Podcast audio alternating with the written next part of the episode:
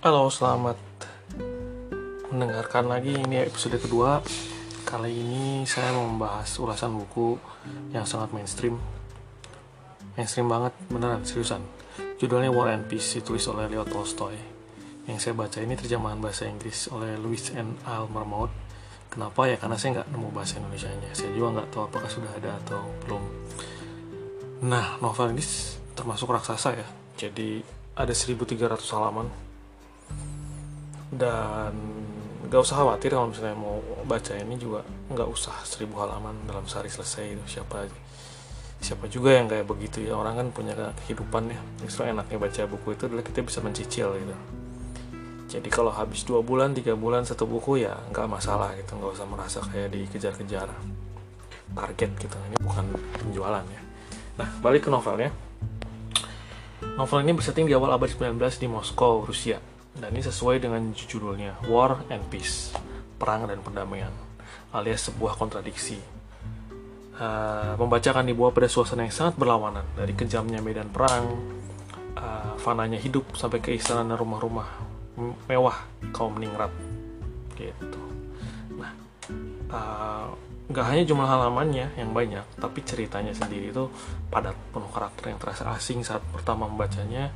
Namun ketika selesai, ini mereka seolah dekat dengan membaca. Fase-fase kehidupan terbahas sangat lengkap, kelahiran, pernikahan, kematian, jatuh cinta, patah hati, dan banyak lagi. Ini adalah demonstrasi gairah Tolstoy pada kehidupan itu sendiri.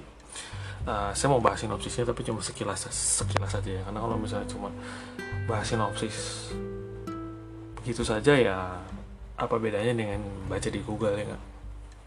Nah dalam War and Peace ini uh, dimulai dengan perkumpulan kaum sosialita di rumahnya tante Anna Pavlovna.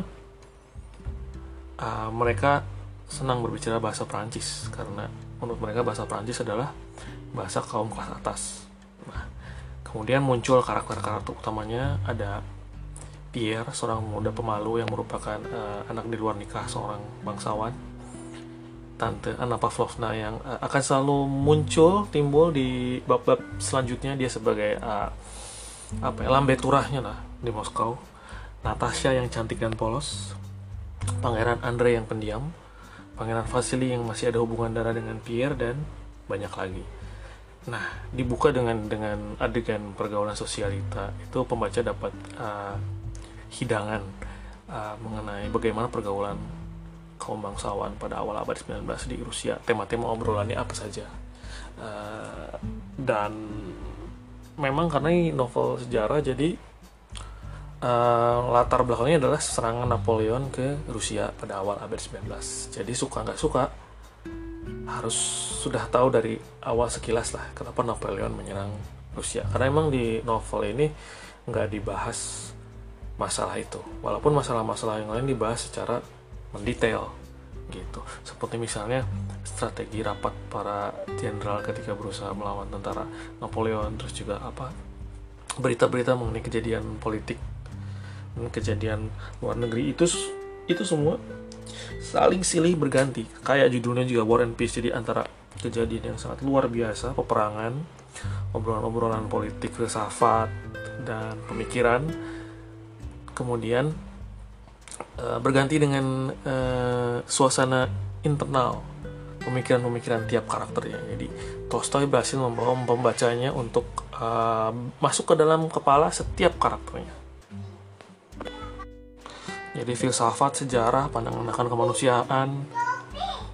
Ya dan bagaimana kelanjutannya ya kalau udah tahu sejarahnya sih bukan spoiler ya. Karena memang yang menarik dari novel ini adalah uh, proses para karakternya yang terombang ambing pada sebuah kejadian besar yang mau nggak mau mereka harus menghadapinya. Jadi ini uh, walaupun kejadian ini dahulu kala di tempat yang jauh dari Indonesia tapi ini mau nggak mau ini hampir sama lah dengan kehidupan kita sehari-hari gitu di mana walaupun kita orang biasa gitu.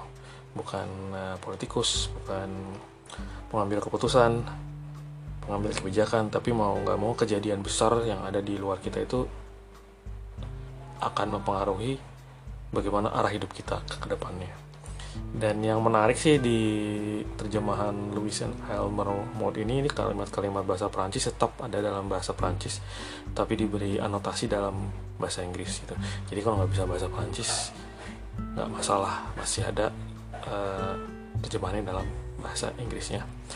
Terus juga kalau misalnya udah tahu peta Eropa pada abad 19 gitu ya nggak usah takut lah. Misalnya sekarang kan udah ada Google ya bisa dicari di Google. Jadi bisa kebayang apa kejadiannya kotaknya lokasinya di sebelah mana. Karena ya e, Eropa abad 19 itu udah nggak sama dengan Eropa abad 21 gitu.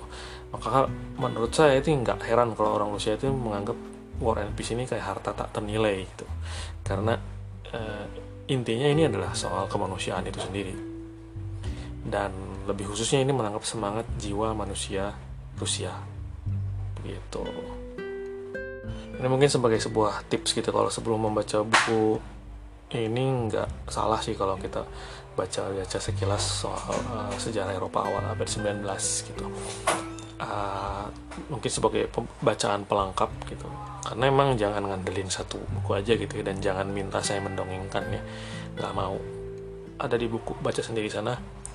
Uh, akan lebih menyenangkan kalau kita udah tahu revolusi Prancis, ide liberté, égalité, fraternité, sebab musabab perang Napoleon, perjanjian Titlis antara Napoleon dengan Tsar Alexander, pertempuran Austerlitz, Schönbrunn, Borodino, Ulm, Moskow, terus juga uh, kejadian Desember tahun 1820-an di Rusia ini ini yang yang melatar belakangi kenapa Tolstoy mau menulis novelnya gini.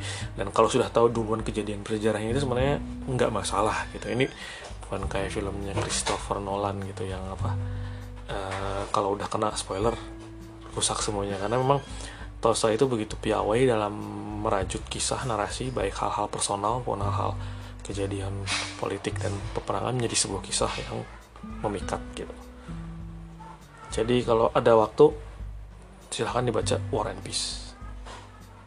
Kalau ada terjemahan bahasa Indonesia ya saya penasaran sih. Saya pengen pengen tahu. Dan memang sebaiknya diterjemahkan langsung dari bahasa Rusia ya. Jadi bukan dari bahasa Rusia ke Inggris terus ke bahasa Indonesia.